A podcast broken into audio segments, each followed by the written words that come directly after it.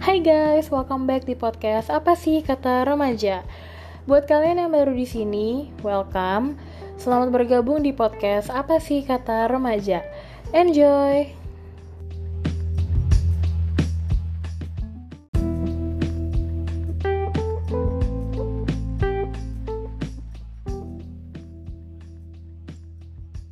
Ya, jadi di episode kali ini uh, sesuai sama judulnya, aku kedatangan tamu spesial. Namanya Satria. Hai Satria. Halo. Uh, aku mau ucap makasih sama Michelle udah ngajak aku untuk ngobrol bareng di sini. Iya, sama-sama. tema mantan ya, Michelle ya? Iya, ini temanya mantan, guys. Jadi uh, di sini di episode kali ini itu aku mengundang mantan aku sebagai apa ya? Untuk kita mau cerita-cerita sedikit tentang uh, masa lalu lah, tentang gimana kita bisa pacaran gitu ya. Iya betul. Oke, kayaknya langsung mulai aja kali ya daripada kalian semua nunggu-nunggu. Kita mau langsung mulai aja bisa kan ya? Bisa dong. Oke, kita mulai dari pertama itu. Uh, biar lebih jelas dulu, kita ceritain dulu kali ya gimana kita bisa ketemu dulu gitu. Iya. Kayaknya dari kamu aku boleh. Iya, kamu okay. mau cerita dulu boleh. Jadi awalnya itu aku sama Michelle uh, itu kenal dari SD. Kita satu SD. Hmm. Terus dari kelas 1 sampai kelas 5 tuh kita cuman kayak yang sekedar kenal aja gitu oh iya yeah. dia Michelle oh iya gue Satria kita satu sekolah gitu udah kenal sampai gitu doang sampai akhirnya di kelas 6 gue sama Michelle itu uh, satu kelas kita mm -hmm.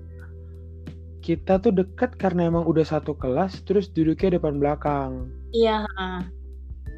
Michelle di pojok inget banget kalau nggak ada papan tulisnya Michelle di pojok kiri belakang dan mm -hmm. gue di depannya nah iya, dari situ banget. kita bisa ketemu terus abis itu uh, setelah kita ketemu uh, kita deket karena jadi di kelas 6 itu gue balik itu selalu naik angkutan umum dan Michelle selalu mm. dijemput mama papanya nah yeah. terus mamanya bilang kalau emang satu arah ya udah bareng uh, aja gitu. ya bareng aja. Biar karena emang kalau dari sekolah gue ke rumah itu dua kali naik angkot kan. Nah pas bareng Michelle itu gue cuma sekali naik angkot dan jaraknya juga lebih dekat jadi biayanya bisa lebih murah kayak gitu. Mm-mm, jadi ya intinya itu pertama kali itu kita ketemu ya tadi kelas 6 SD kan. Iya. Yeah. um, sebenarnya ya gitu sih aku nggak terlalu kenal sama Satria aku bener-bener kayak ya cuma tahu nama aja tahu oh dia tuh Satria begini uh, terus aku sering dengar kata teman-teman pada ngomong kalau Satria tuh orangnya tuh friendly uh, dia kalau di kelas ada dia tuh rasanya seru gitu kan. Dan kebetulan di kelas 6 SD itu kita sekelas kan. Uh, kita sekelas terus habis itu ternyata uh, tempat duduk kita tuh deket banget bener-bener depan belakang aja gitu.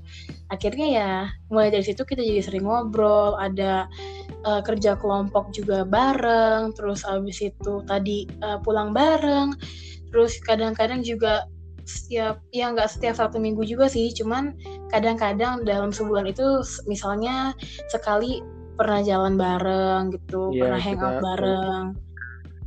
Jadi ya sebenarnya ketemunya sih nggak nggak mikir bakalan pacaran gak sih? Kayak iya, temenan aja gitu kan.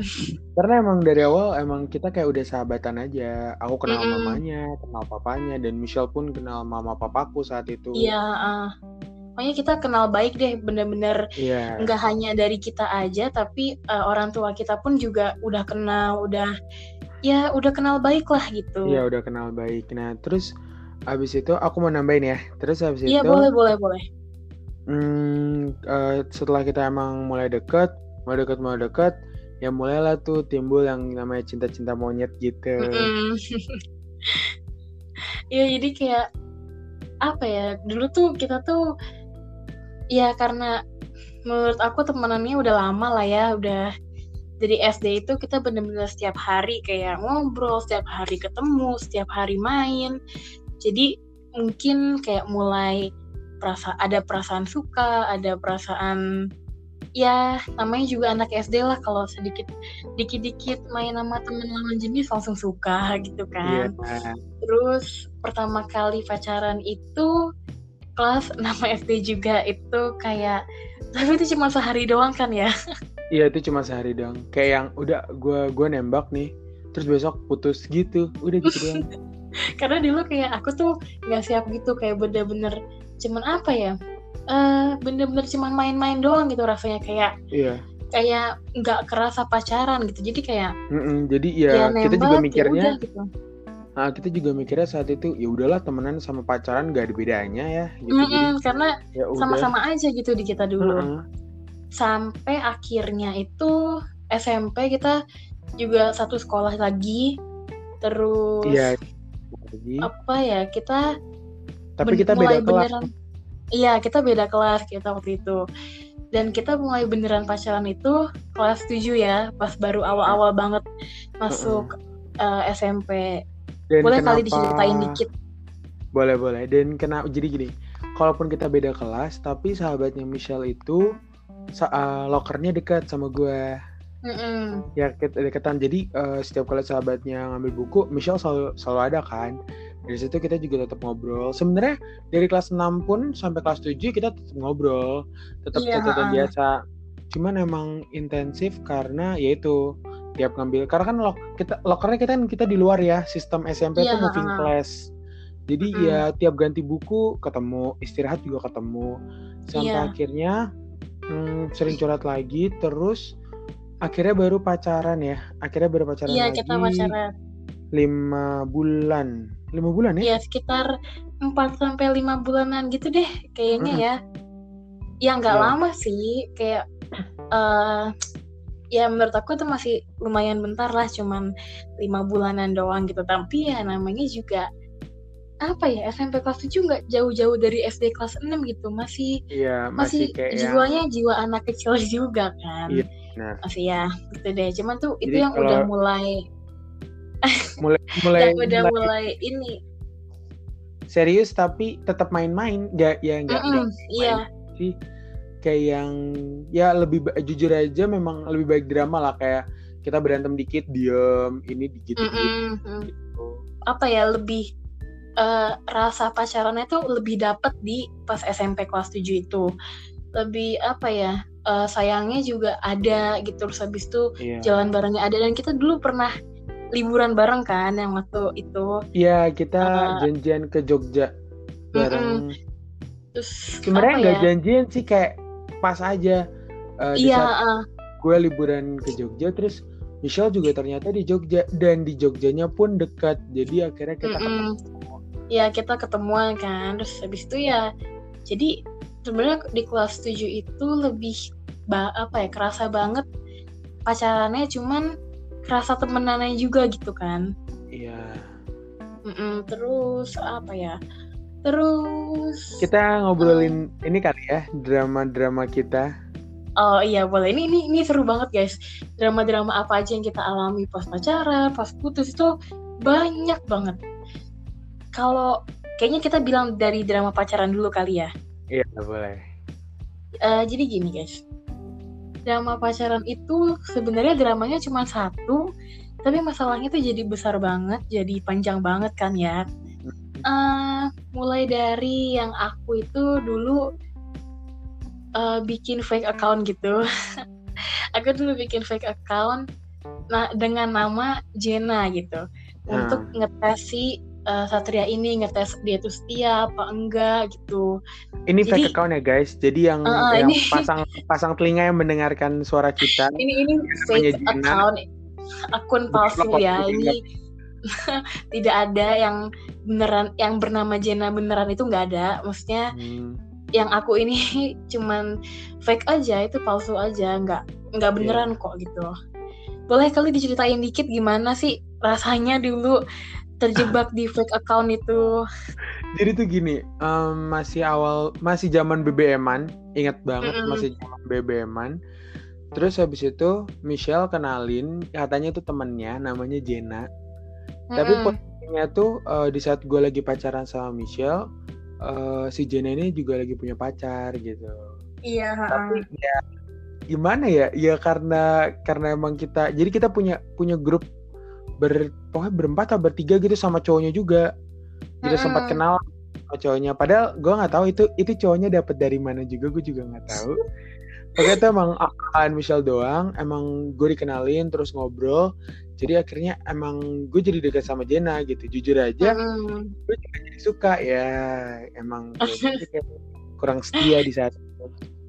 Heeh, ya apa ya itu emang aku tuh niat banget sih dulu dibilang niat malah malah jadinya kayak kayak terlalu niat gitu sampai cowoknya segala aku bikin fake accountnya juga gitu cuman buat biar kelihatan eh, real aja gitu Iya. terus mau ngetes setia apa? kan katanya tadinya tuh Uh-uh. mau ngetes setia dan ternyata emang ya jujur aja gue saat itu uh, kepancing lah gitu kesetiaan gue belum ada mm-mm. Uh, Jenna itu sebenarnya dari drama Jenna tuh nggak cuman pacaran abis putus pun Jenna muncul lagi kan Iya, ah, masih ada alasan kenapa si Jena-Jena ini muncul setelah putus gitu ya.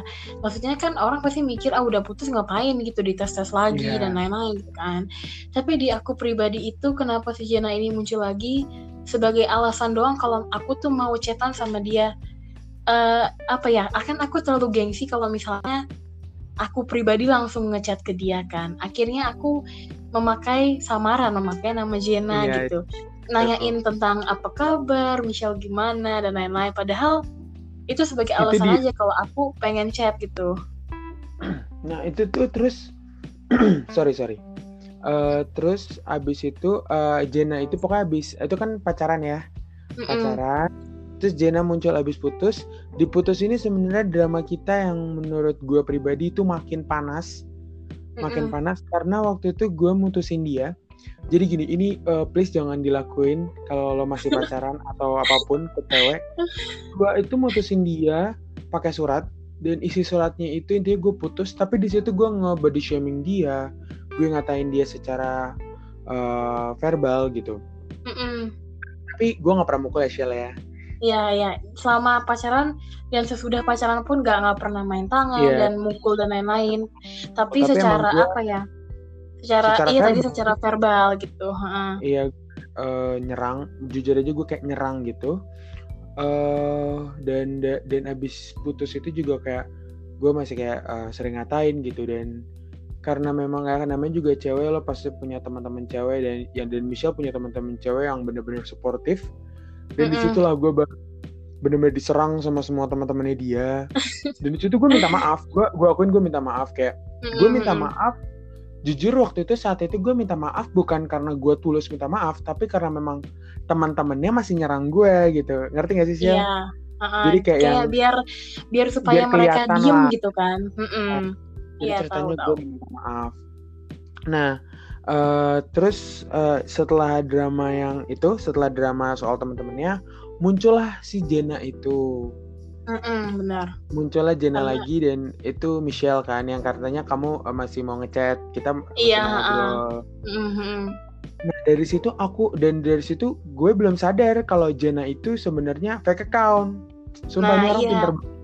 Gue Dia tahu Jenna itu fake account itu bertahun-tahun setelah kita putus, setelah masalahnya udah selesai, kita udah berdamai itu baru dia tahu karena Iya. jujur aja aku juga takut mau ngasih tahu kayak Jenna itu fake account itu aku takut banget.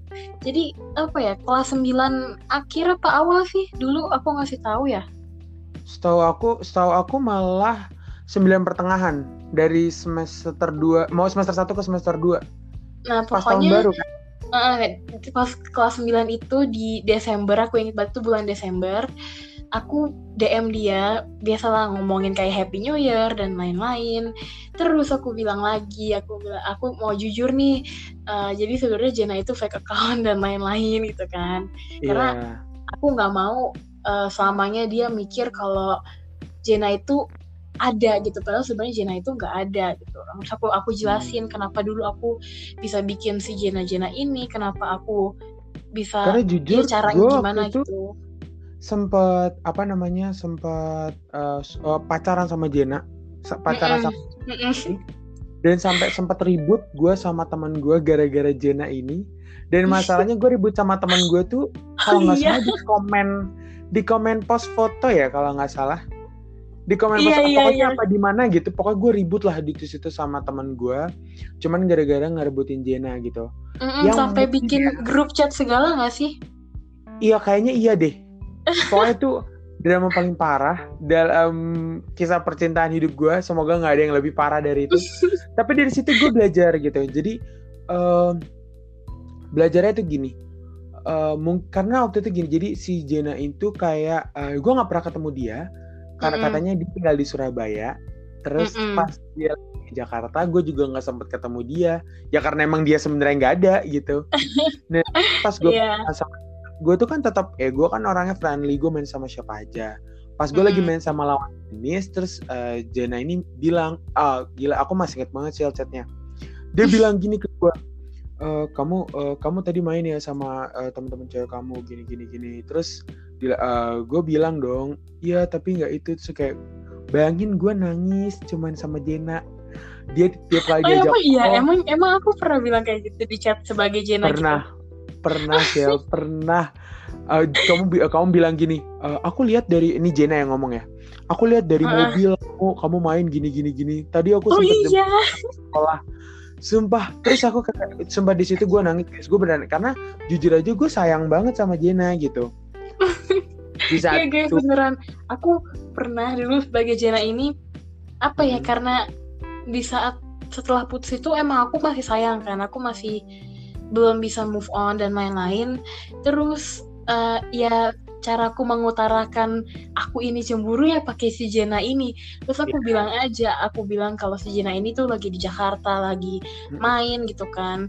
Terus habis itu bilang kalau misalnya si Jena ini lagi jemput aku gitu jemput Michelle terus habis hmm. itu lagi ke sekolah terus bilang aja kayak e, tadi aku ngeliat kamu main sama ini terus aku iya. gitu sebenarnya aku tuh jujur ya aku di situ kasihan karena udah ngebohongin orang tapi puas juga gitu kayak uh, jujurnya di satu jujur sisi aja, aku di situ kayak enggak, tapi kayak aku dapat nih apa yang, yang aku tangkap Shell ya dari kamu mm -hmm. adalah kayak yang uh, Michelle di situ mau ngasih kalau gue karena gue gue mencoba untuk ngambil sisi positif Michelle di situ mau ngasih pelajaran sebenarnya sama gue bukan pelajaran buruk ya tapi lebih gini uh, gak enak kan rasanya disakitin tuh kayak apa gitu. Mm-hmm. Aku cuman uh, di, mungkin misal cuma mau ngeras bukan bukan dia mau gue ngerasain apa yang dia rasain tapi lebih ya gue cuma mau bilang bahwa ya itu yang pernah gue rasain saat sama lo kayak mm-hmm. gitu. Iya jujur aja uh, waktu pacaran pun bahagianya itu cuman pas bulan-bulan pertama aja bulan pertama bulan kedua yeah. gitu. Setelah mulai Januari uh, kita kan pacaran mulai bulan November ya. November. November, 12 November. Desember. Uh, 12 November 2015 aku ingat banget. Iya. Yeah. Terus habis itu masuk ke bulan Januari itu uh, intinya adalah Desember akhir aku mulai bikin fake account ini, Jena Jena ini. Terus baru mulai apa ya? Baru mulai ketahuan uh, dia ngestianya itu pas Januari. Nah, itu mulai masalah muncul tuh kita itu putus yeah. Iya. uh, April tanggal 1 April hari Jumat gila beres April ya pokoknya beneran iya aku tuh pasti inget banget biasa aku bener-bener gak bisa lupa kayak kayak seterusnya itu kayak Mika nangis di kamar mandi guys asal kalian tahu kayak teman-temannya tuh sabar ya sabar biarin aja emang dia tuh nggak pantas buat lu iya. Yeah. ini ini yang seru adalah aku itu inget banget aku lagi di Karawitan di uh, ini jadi kita di sekolah tuh ada pelajaran Karawitan guys. Terus uh, lagi duduk di situ terus aku ngeliat ada dia sama dua teman aku tuh di depan udah nungguin itu kan. Aku tuh ya karena banget aku karena bilang, jujur aja gue tuh nggak berani kan untuk ngasih surat ini. Terus gue bilang ke temen gue temenin gue dong gue mau ngasih surat ini ke Michelle kayak gitu uh, dan nah. dia jalan karawitan terus posisinya mau istirahat. Mm -mm, bener banget. Bener kan? Pas iya pas itu pas udah bel istirahat aku bilang dong ke temanku ih uh, seneng banget gue ditungguin sama tem uh, sama cowok-cowok gue gitu kan. Aku mm keluar dari ruang karawitan itu senyum kan aku udah senyum aku udah bilang iya. hai gitu. Terus tiba-tiba yang keluar dari mulut dia adalah kita putus ya itu Emang eh demi apa aku ngomong kayak gitu?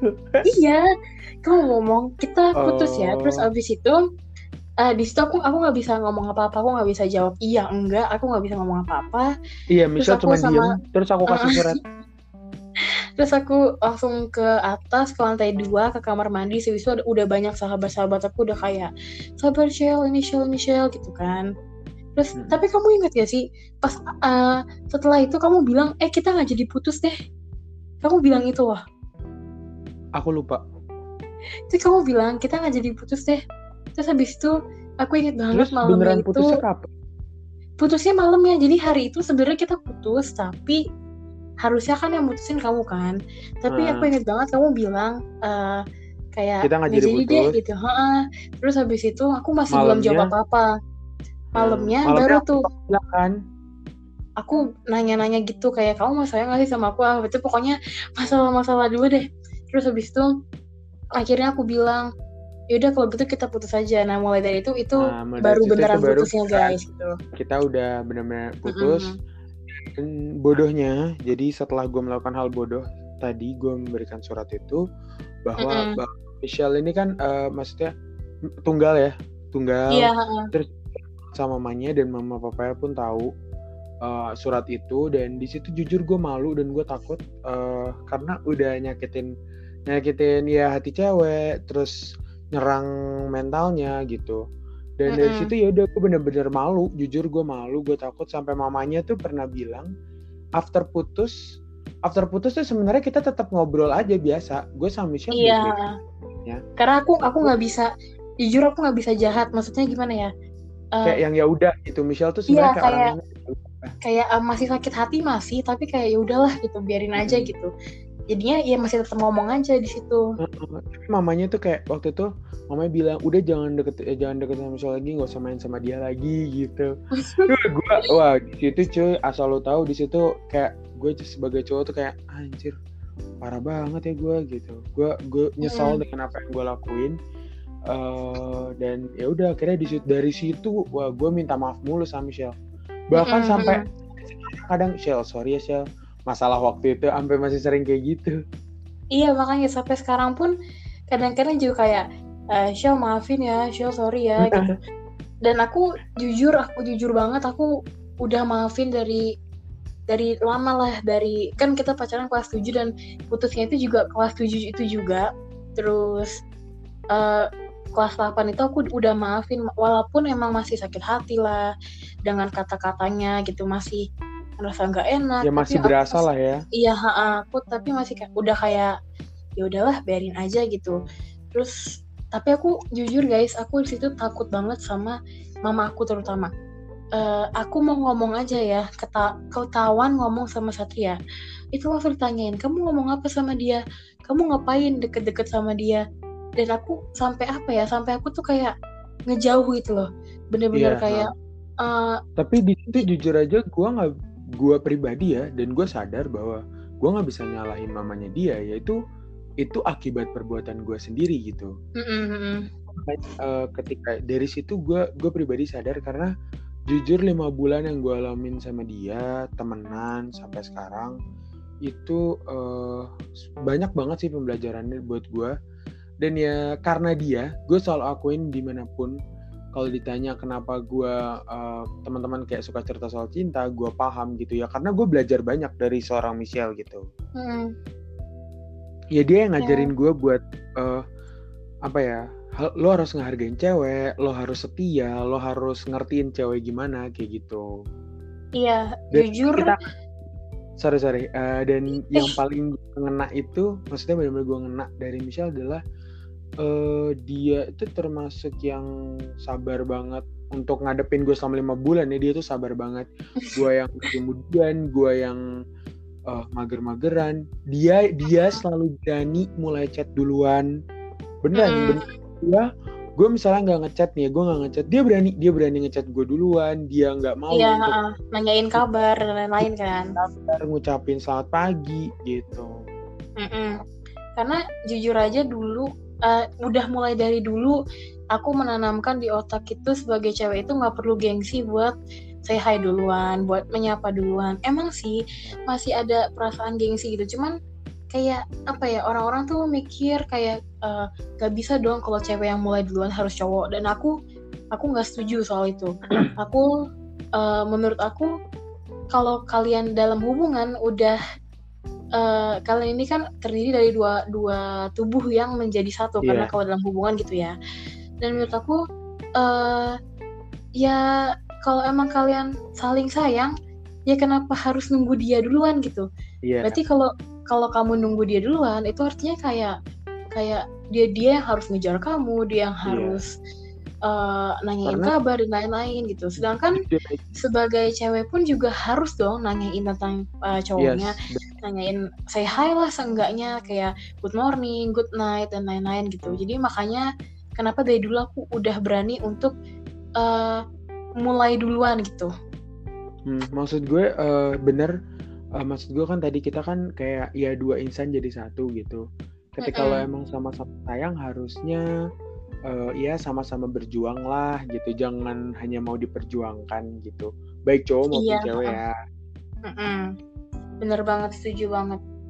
Terus uh, pasti banyak banget dari kalian yang nanya kok bisa sih tetap akur walaupun udah berantem udah banyak masalah uh, main kata-kataan segala gimana sih kok bisa akur? gitu kan. Uh, gini sebenarnya juga bingung sih kenapa kita tiba-tiba bisa akur gitu. Cuman uh, mungkin dari perspektif aku dan Satria tuh beda. Kayaknya mulai dari Satria dulu kali ya oke okay, dari perspektif gue adalah gini uh, eh, gue selalu menganggap bahwa uh, siapa pun yang pernah dekat sama gue gitu mantan hmm. itu uh, terutama mantan ya terutama Michelle lah karena ya gue paling lama jalin hubungan tuh ya itu lima bulan itu gue nggak pernah paling hmm. paling ya tiga bulan gitu um, ada lagi nih mantan itu adalah orang yang paling kenal sama diri kita karena ya mau nggak mau ketika kita pacaran kita akan kayak uh, nunjukin sifat asli iya uh. apa pun itulah kita kebuka semua. Nah di situlah uh, jujur uh, gue up gini ya apa pun apa pun gue mau ngejar cewek gue mau apa pasti gue nanya ke Michelle gitu. Michelle gue ini nih gitu uh, uh, gue ngejar dia nih gimana menurut lo? Karena ya Michelle mm. tahu tentang tentang gue gitu. Jadi menurut gue mantan tuh jadi kayak yang emang teman-teman cerita temen tahu. Karena gini kalau gue lagi marah atau apa Michelle tuh tahu uh, biasanya kalau marah buat gue nggak marah tuh gini buat gue mm-hmm. jadi kayak yeah, uh, yeah. juga dan gue sama Michelle juga masih sama-sama terbuka. Kita sering cerita juga gitu. Jadi uh, itulah kenapa gue tetap tetap akur ya karena kita ya itu balik lagi. Kita nggak nanamin ego kita nggak nanamin apa ya. Kalau ngobrol ngobrol yeah. aja gitu. Bahkan sekarang kita jadi sahabatan jatuhnya Iya bener banget. Kalau dari perspektif aku, terutama sebagai uh, cewek ya, sebagai perempuan yeah. gitu, susah banget untuk akur sama mantan gitu, terutama yang yang kita tuh hubungannya masuknya nggak baik-baik aja ya, maksudnya kayak yeah, bener. banyak masalah dan lain-lain gitu. Emang susah banget sih. Tuh, uh, awalnya kenapa bisa akur itu dari aku karena dimulai dari yang aku masih punya perasaan dulu jadi kayak masih mau deket masih pengen chat masih pengen tahu kabar gitu kan. Terus akhirnya dari situ ya dia tahu kalau aku masih menerima dia dan aku juga masih ingin menerima gitu. Maksudnya emang nggak pacaran lagi kan tapi uh, ya sebagai teman lah sebagai teman teman cerita bener. sahabat dan lain-lain gitu. Dan yeah jujur aku ini orangnya senang banget kalau orang terbuka sama aku uh, cerita tentang masalahnya sama aku gitu. Nggak cuman Satria aja gitu sahabat-sahabatku juga aku senang banget mereka bisa percaya sama aku gitu. Dan yeah, apa ya uh, aku uh, tahu banget um, tentang Satria kayak uh, dalamnya gimana ada masalah apa gitu. Karena sebelum kita pacaran pun kita udah deket udah temenan udah sahabatan udah yeah. sering jalan bareng gitu kan jadi pastinya masih ada ikatan lah gitu mm -hmm. um, mengesampingkan uh, perasaan benci perasaan apa ya sakit hati gitu sakit hati kayak pasti yang, iya kayak masalah-masalah itu kita udah kayak yang mm -hmm. ya masa lalu iya, gitu. uh.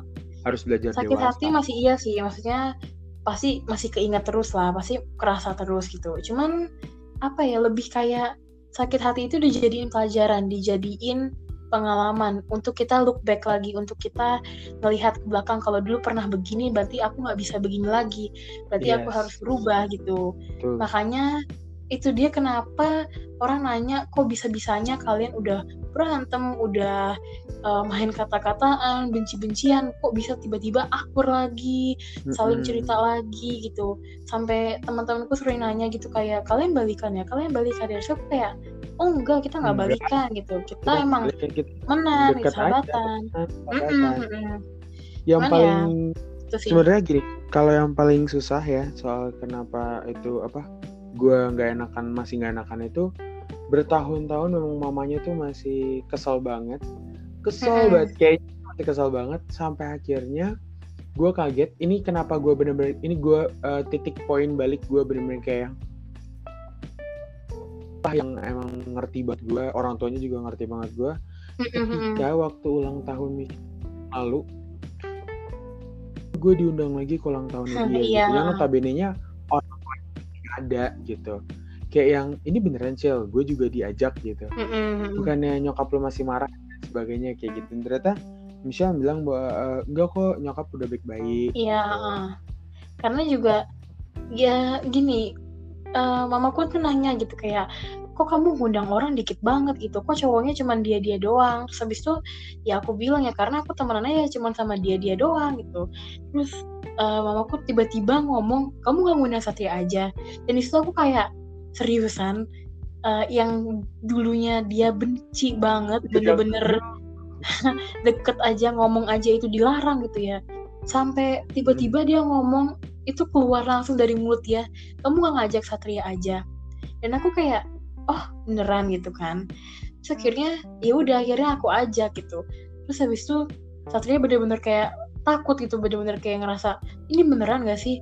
Beneran diajak gak sih? Beneran uh, emang beneran mama Tau gak sih guys? gitu? sampai uh, eh, gue tuh mikir gini wah ini jangan-jangan pas gue datang mau bokapnya udah nyiapin parang kali ya buat gue udah wah udah tinggal di serut udah tinggal gitu kali gue ya.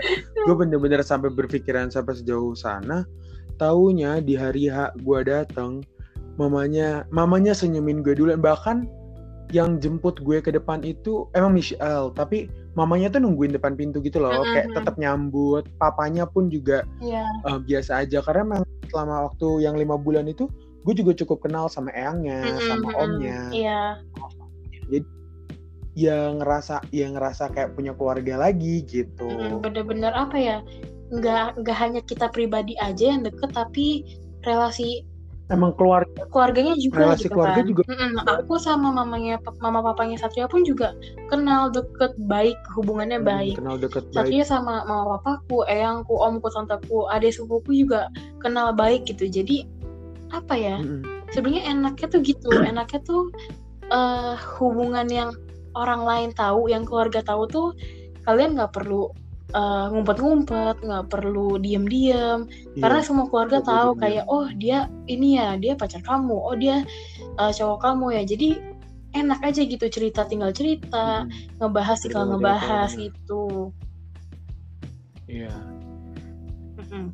Itu sih kalau kenapa kita tetap akur, kenapa kita tetap uh, bisa deket gitu, uh -uh. dan sampai ya baik lagi gue gua lagi ngejar cewek gue lagi galau soal cewek gue kan ngomong sama Michelle kayak yang ini kenapa sih kok dia kayak gini mm-hmm. kayak uh, tipe tipe Michelle kan cerita ya kalau uh, eh, gue jadi cewek dengan posisi kayak dia gini gini gini iya. jadi ya enak aja jadinya guys jadi kayak Ngobrol. kayak apa ya kayak aku bisa ngasih saran gitu bisa ngasih pendapat ngasih uh, masukan terus habis itu aku bisa ngasih tahu kayak oh uh, kamu harus kayak gini kamu harus begini kamu hadapin dia jangan kayak gini atau gimana gitu. Dan aku melakukan itu dengan senang hati gitu dengan terbuka. Dan aku nggak nggak ada pemikiran untuk kayak uh, semoga ntar uh, lu ngerasain yang kayak gue rasain ya semoga ntar lu kayak gue juga. Enggak aku nggak yeah. pernah kayak gitu.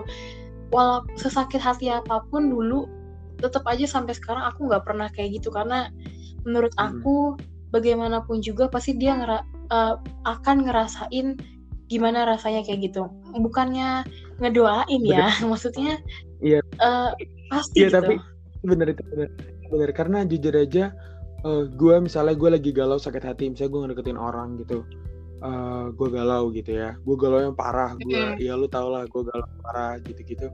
Nah itu tuh gue gue selalu mikir mungkin Tuhan mau uh, Tuhan mau ngasih pembelajaran baik ke gue adalah ini loh yang pernah dia rasain mantan lo atau orang yang pernah lo sakitin yeah. gitu uh, ini, ini rasanya gitu Bu, Tuhan bukan mau gue ngerasain itu tapi Tuhan mau apa yang lo dapet dari yang lo rasain ini gitu. Iya, biar apa ya bisa belajar, bisa lebih menghargai orang yeah. lain. Jadi sebenarnya uh, keuntungannya ya di kita juga gitu. Ada yeah. ada pelajaran yang didapat, ada uh, bisa biar kita bisa tahu gimana kita harus bertindak dan apa aja yang harus kita hindari gitu.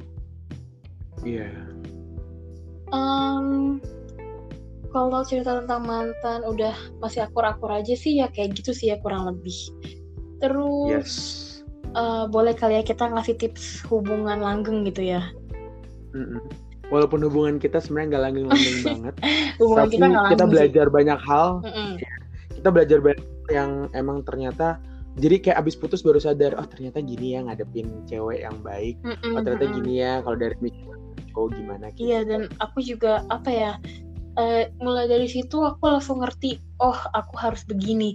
Oh aku nggak boleh begini gitu. Jadi dan apa ya aku ngelihat orang-orang teman-teman aku terutama punya hubungan dan hubungan mereka tuh nggak kayak aku. Ada yang lebih baik atau ada yang lebih parah gitu. Dan aku uh, nyatet semuanya jadi pelajaran gitu oh aku nanti harus begini oh kalau hubungan baruku ntar aku nggak boleh begini gitu belajar dari pengalaman sendiri belajar dari pengalaman teman-teman gitu Yes. Boleh kali kamu dulu ngomong uh, tips hubungan langgeng gitu. Oke, okay, tips hubungan langgeng dari aku. Sebenarnya aku ada tiga, tiga poin yang aku tangkap dari sebuah hubungan uh -uh. yang harus langgeng ya. Yang pertama itu uh, mengenai kebahagiaan. Yeah. Baik lagi, walaupun kalian punya pasangan, kalian punya uh, hubungan sama siapa pun, jangan uh, bergantung jangan gantungkan kebahagiaan kalian itu ke orang lain. Iya. Kayak gitu. Uh, ke orang lain tuh maksudnya gini kayak yang uh, dia pacar gue dan gue harap dia jadi mood booster gue sepenuhnya gitu. Nggak nggak gitu. Karena gue baik lagi ketika lo ketika lo lagi sedih atau lagi itu sebenarnya satu-satunya satu-satunya orang yang bisa nolongin ya nolongin lo ya diri lo sendiri mm, gitu, bukan orang lain karena ketika gini uh, misalnya lagi di hubungan gitu ya, terus mood lo lagi bu lagi buruk nih ya. Mm -hmm. Nah, terus tiba-tiba lo ngechat uh, ngechat pasangan lo dan berharap mood lo uh, tiba-tiba baik. Taunya pasangan lo sendiri moodnya juga lagi buruk. Mm -hmm. Nah, ketika buruk itulah pas ketemu jadi malah ribut. Iya, benar Jadi banget. malah nggak gitu. Dan kayak gitu. apa ya? Uh, kayaknya kita bisa seling-selingan lah ya. Ini dari aku sekarang ya dari aku hmm. aku juga kayaknya ada tiga gitu yang pertama itu hmm. kepercayaan ini aku belajar dari dari hubungan aku sendiri sama Satria uh, selama lima bulan itu kepercayaan di sini kepercayaan itu adalah uh, gini, emang semua semua orang tuh ingin tahu kan pasangannya tuh setia atau enggak, pasangannya ini bisa dipercaya atau enggak. Tapi uh, cara untuk mencari tahunya itu kadang salah gitu. Kayak jujur aku akui di situ dulu cara aku untuk uh, ngetes kesetiaan dan lain-lain itu salah. Karena uh, dengan aku bikin fake account itu, aku mikir kalau orang itu malah tergoda gitu. Yang tadinya dia nggak uh, bakalan selingkuh, yang tadinya nggak bakalan berpaling, tiba-tiba aku hadirkan sosok wanita baru, aku hadirkan orang baru, terus aku hajar terus, aku chatin terus, aku perhat kasih perhatian terus. Karena gini, siapa sih orang yang enggak luluh kalau dikasih perhatian? Siapa sih orang yang enggak iya. luluh kalau uh, ada terus buat dia gitu? Dan menurut aku, yeah.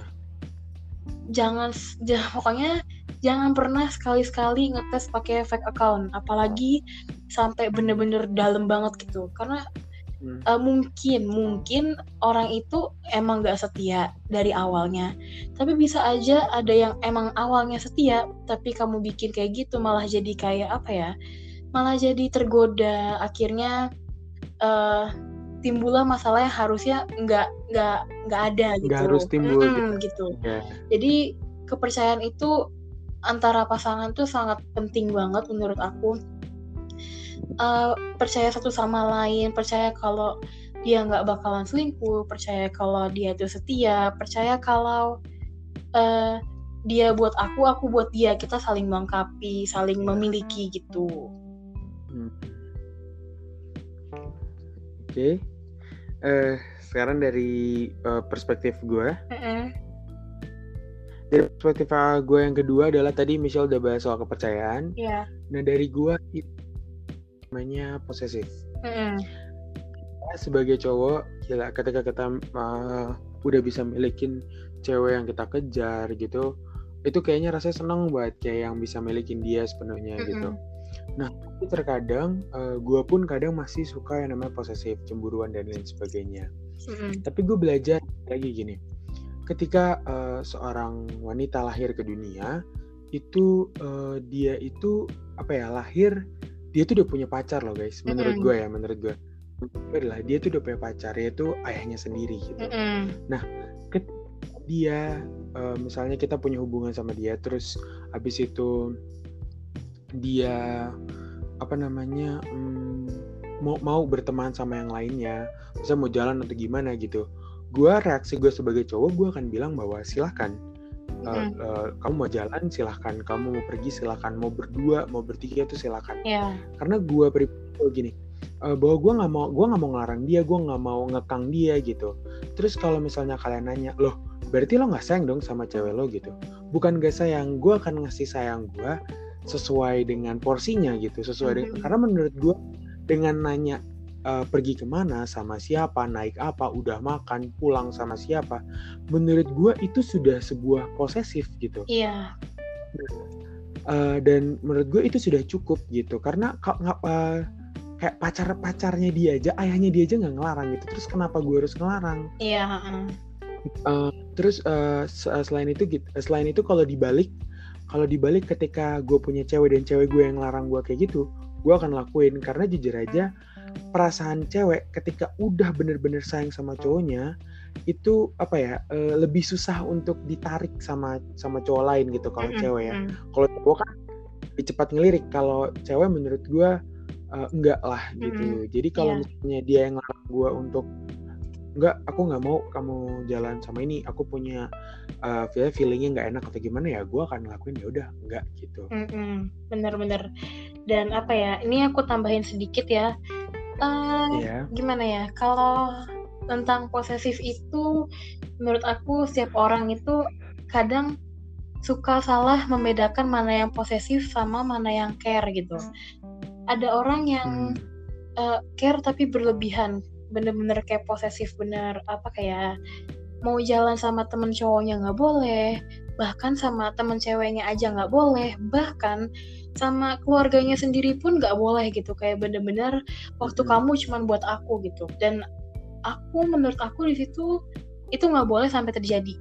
Sampai yang pacar kita bener-bener ngekang banget. Sampai waktu buat keluarga kita aja tuh Iya. diambil gitu Eh, biasanya orang kayak gitu mengatasnamakan oh ya kan gue uh, khawatir gue kan peduli sama dia. Eh, pedulinya itu jangan kayak gitu gitu. Maksudnya pedulinya itu sewajarnya lah. Ada semua orang itu Iya. punya batas punya apa ya pagernya masing-masing gitu.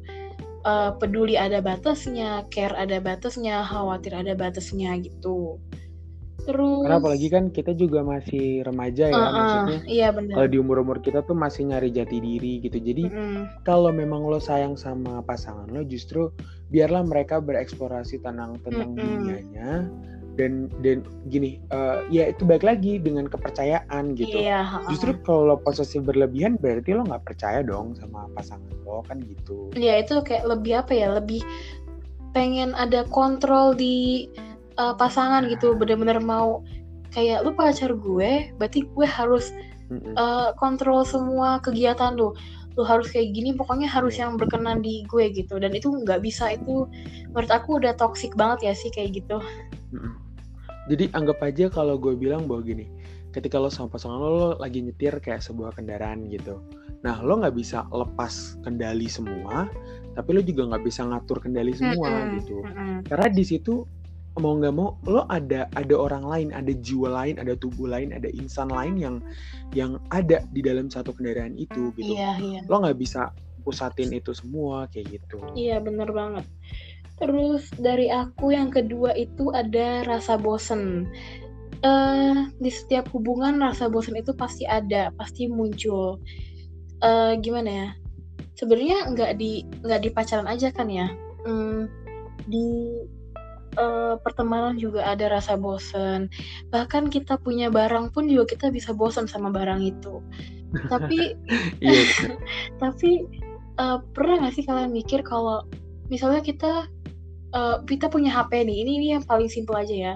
Kita punya HP, kita pasti pernah dong ngerasa bosan sama HP itu, pengen beli yang baru lah gitu. Apa sih ada yang lebih baru lagi, ada yang lebih bagus lagi gitu. Pengen beli yang baru, tapi ujung-ujungnya juga enggak kan? Karena mungkin pasti ada ada beberapa faktor gitu. Misalnya uang yang nggak ada atau kayaknya nggak worth it lah, nggak nggak sepadan gitu kayak buat apa Mm-mm. gitu kan. Sama aja sama rasa bosan di eh, hubungan gitu. Menurut aku rasa bosan itu pasti ada, rasa bosan itu pasti akan datang. Rasa bosan itu eh, apa ya wajar lah gitu ya. Tapi bagaimana caranya untuk eh, menanggapi rasa bosan itu supaya nggak menjadi alasan untuk putus, nggak menjadi alasan Yes. untuk mengakhiri sebuah hubungan gitu. Rasa bosan itu em, manusiawi sih. Semua juga gitu. Mau orang yang udah nikah bertahun-tahun pun pasti juga ada rasa bosan. Tapi enggak kan, mereka enggak kayak dikit-dikit masa sih orang nikah dikit-dikit cerai kan nggak mungkin kan. Pasti benar. eh inilah kasih hiburan di hubungan maksudnya gini kalian itu eh, berlama-lamaan pacaran gitu misalnya udah dua tahun gitu itu udah lumayan lama lah ya terus pasti ada rasa bosen ada rasa kayak ah dia lagi dia lagi dia mulu dia mulu. Rutinitasnya cuman kayak good morning good night I love you gitu doang. Eh, menurut aku tingkatin eh, tinggiin lagi tingkat tingkat apa ya sayang kalian gitu. Misalnya yuk sesekali liburan bareng yuk sesekali kita pergi ke sini bareng. Lebih kayak Iya. ngedate bareng gitu loh. Bener-bener Hmm. mengunjungi tempat yang berbeda mengunjungi apa ya simple aja sih. Eh, mungkin kalau di kita kayak remaja-remaja gini nggak punya uang gitu ya. Maksudnya eh, nggak bisa yang ke restoran-restoran yang mewah lah atau ke tempat-tempat mewah. Simple aja gitu. Iya. kalian bisa jalan-jalan aja atau ngobrol-ngobrol aja gitu ketemuan gitu. Menurut aku itu udah lebih apa ya jadi lebih mengapresiasi pasangan lebih kenal aja Yes. gitu.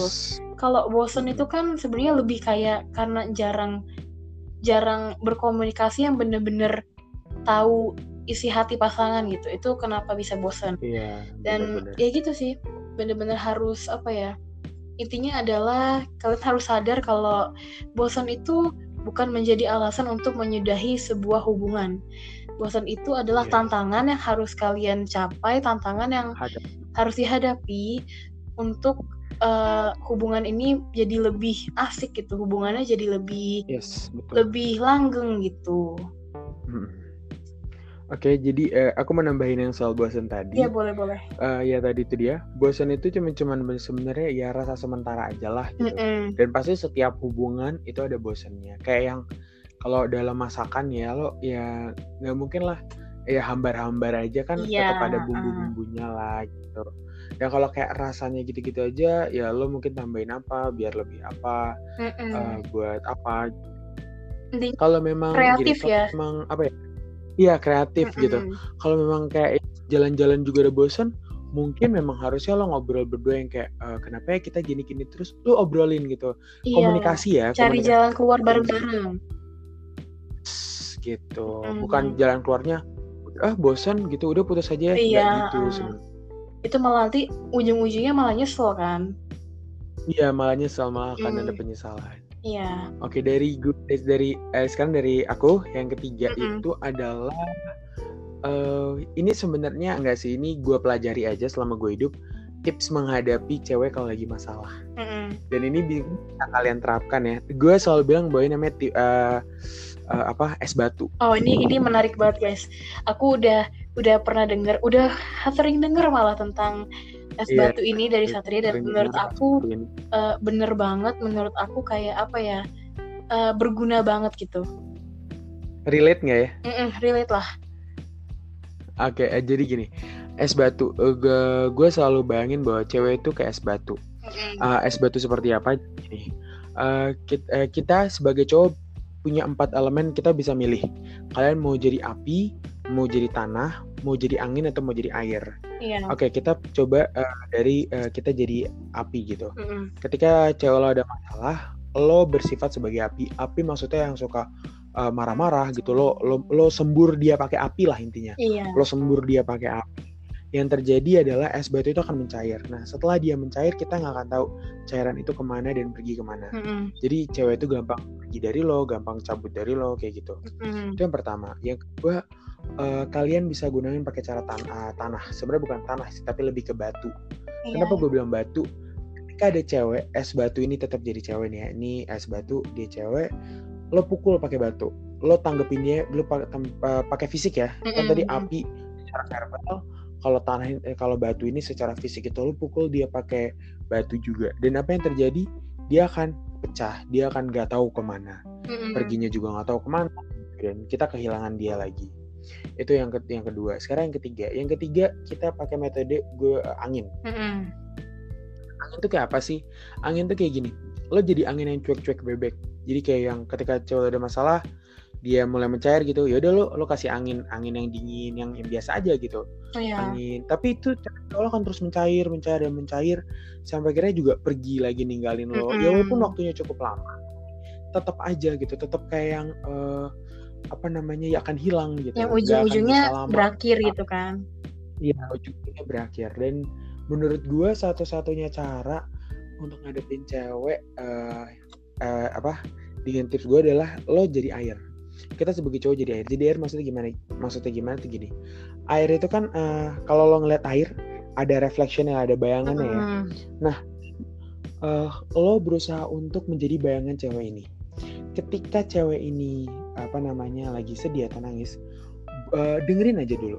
Kita dengerin, kita ikutin dulu kita ikutin alurnya kita dengerin Uh, biar dulu dia itu uh, larut dalam kita dia cair dalam kita setelah udah dia udah cair dalam kita dia udah cukup lega jangan terus jangan lo jangan lo kasih masukan dulu Mm-mm. lo buat dia bener-bener menyatu dulu sama lo Mm-mm. mungkin lo ajak hangout atau lo ajak apa buat dia seneng dulu baru lo ajak ngomong tadi kenapa gitu karena menurut gua gini sekuat-kuatnya cewek di luar sekera uh, setomboy-tomboy cewek di luar hati dia tetap hati cewek men Mm-mm. jadi eh, apa namanya eh, ketika karena ketika dia lagi cerita pun dia tuh nggak pengen nggak nggak minta solusinya gimana dia nggak pengen ditanya kenapa dia cuma pengen didengerin doang dia cuma pengen didengerin doang Eh, eh, dan baru setelah kita udah dia udah mulai enak didengar apa dia udah mulai larut gitu udah mulai sama frekuensinya sama kita baru ditanya kayak Iya. gitu heeh. kan baik lagi ya cewek tuh kadang keras kepala gitu ya ketika dia nangis eh dia cuma pengen dengerin tapi lo kasih tau dia malah makin marah menurut gue ya menurut aku ya Mm-mm. dia kayak makin kayak enggak gue nggak gue nggak butuh kata-kata gue cuma butuh lo dengerin gue Iya gitu. benar banget. Itu gue tangkap dari kalau gue ngobrol sama cewek kayak gitu Mm-mm. Eh, ditambahin dikit boleh lah ya. Boleh, Dari boleh. itu orang pasti banyak yang nanya, kenapa sih cewek itu nggak langsung bilang aja gitu kalau ada masalah? Kenapa harus pakai kode-kodean? Kenapa kalau ditanya "Eh, kamu kenapa? Pasti bilangnya kayak enggak aku nggak apa-apa kok. Padahal eh, kita lagi Wah itu marah. alasannya banyak banget tuh Heeh, kita lagi itu pasti mood alasannya gitu. banyak banget Eh, gini, kenapa cewek kalau misalnya eh, ada masalah, ada apa pun itu, kalau ditanya sama cowoknya kayak kamu kenapa, pasti dia jawabnya enggak aku nggak apa-apa. Padahal ntar dia cerita sama sahabatnya gitu kayak, ih cowok gue nggak peka gini gini gini gitu. Eh, pertama kita mau eh, ini mewakili semua cewek-cewek ya, kita mau kalian ini Iya. ngerti dulu kalau kita lagi bad mood eh, dan kita nggak Hmm. mau kita nggak bermaksud jahat kita nggak bermaksud cuek dan lain-lain karena maksudnya uh, kalau cewek bad mood itu rasanya kayak apa ya kayak nggak ada yang bisa bikin kita senang nggak ada yang bisa uh, booster tuh bullshit gitu kalau kita lagi bad mood gitu ya hmm. Terus hmm. Uh, kita cuma pengen didengerin aja. Tapi jangan terlalu desek kita gitu kayak ayo dong cerita dong kamu kenapa? gitu. Uh, kamu kok nggak pernah cerita sih? Kamu kok nggak mau cerita? Gitu. Kalau gue gitu ya kalau nemuin cewek kayak gitu biasanya kalau gue cuma bilang gini uh, ya udah mungkin emang si cewek ini lagi butuh waktu gitu. Ya udah tenangin aja diri baru ngobrol. Mm-hmm. baru kalau mau cerita gitu. iya benar jadi kayak kita butuh waktu gitu emang mungkin kadang kesannya kayak lama banget gitu bisa seharian nggak chat gitu tapi kita butuh space kita butuh uh, jarak sedikit lah untuk nenangin pikiran. Ntar akhir-akhirnya pun kita juga pasti bakalan pulang lagi ke kalian. Kita bakalan cerita kayak, maaf ya semalam aku begini, aku tuh lagi ada masalah ini, aku tuh lagi begini. Jadi uh, gini, nggak perlu kalian ntar tanya lagi kayak kamu kenapa sih tadi malam? Kamu kenapa sih kemarin? gitu. Ntar kita kalau udah enakan gitu ntar kita pasti juga cerita lagi kayak uh, maaf ya semalam tuh aku begini aku lagi ada masalah ini gitu. Yeah dan kita nggak bermaksud untuk membuat apa ya kan katanya orang-orang tuh cewek itu penuh misteri ya.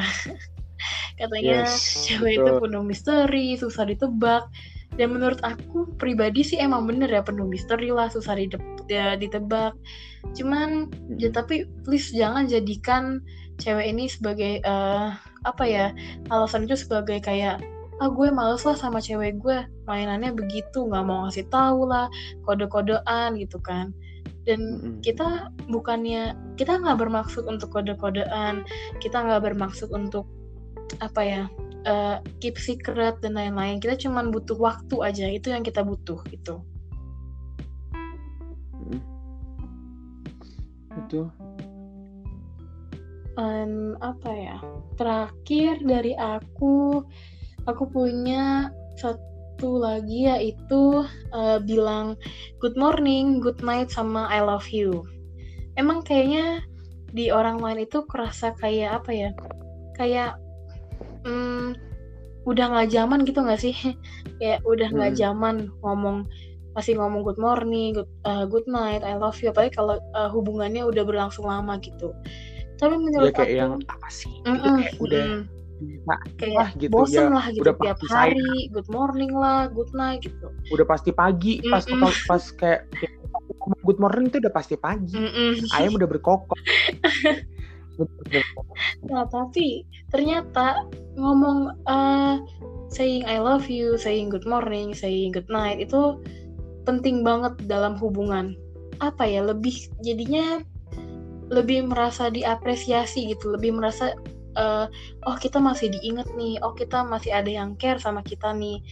Uh, oh berarti dia masih sayang nih oh berarti dia masih ya intinya masih uh, mengetahui keberadaan kita gitu dan apa ya kayak yang tadi aku bilang nggak perlu selalu cowok duluan yang ngomong good morning, good night, I love you gitu. Nggak perlu.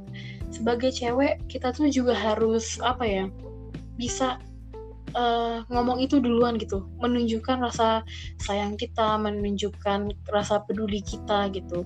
Jangan kayak apa ya jangan terlalu monoton gitu kalau dalam hubungan. Jangan terlalu uh, kaku kayak bener-bener cowok harus uh, aksi duluan baru kita tanggepin itu kayak nggak enak aja sih menurut aku jadi ya itulah uh, ngomong good morning good night dan I love you itu emang penting banget dalam hubungan